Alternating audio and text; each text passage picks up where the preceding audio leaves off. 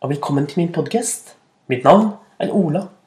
Og på denne podkasten forteller jeg eventyr, fortellinger, fabler.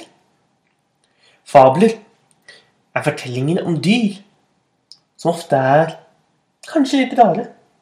I dag, i dag skal vi høre en fabel. Vi skal nemlig høre om ulven og lammet. En gang så var det en ulv.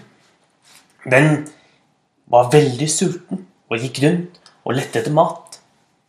Rett som det var, så kom den til en elv, og den tittet ned elven, og litt lenger nede.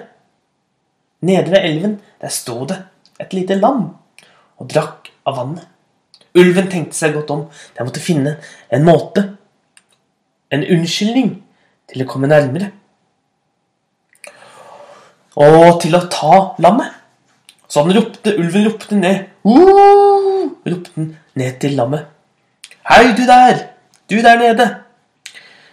Hvorfor, hvordan våger du å skitne til vannet som jeg skal drikke? Og sauen, lammet, brekte tilbake igjen.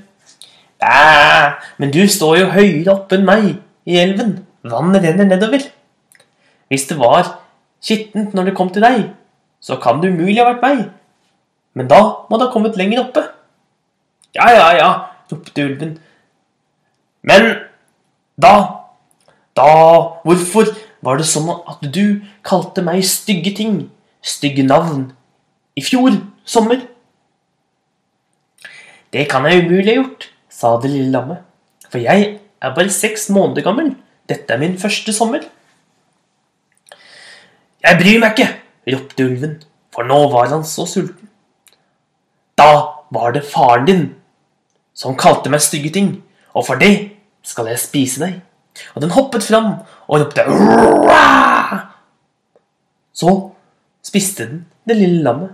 Men rett før den klarte det, så sa det lille lammet Hvilken som helst unnskyldning vil fungere for en tyrann og en slem person. Og det, det var fortellingen om ulven og lammet.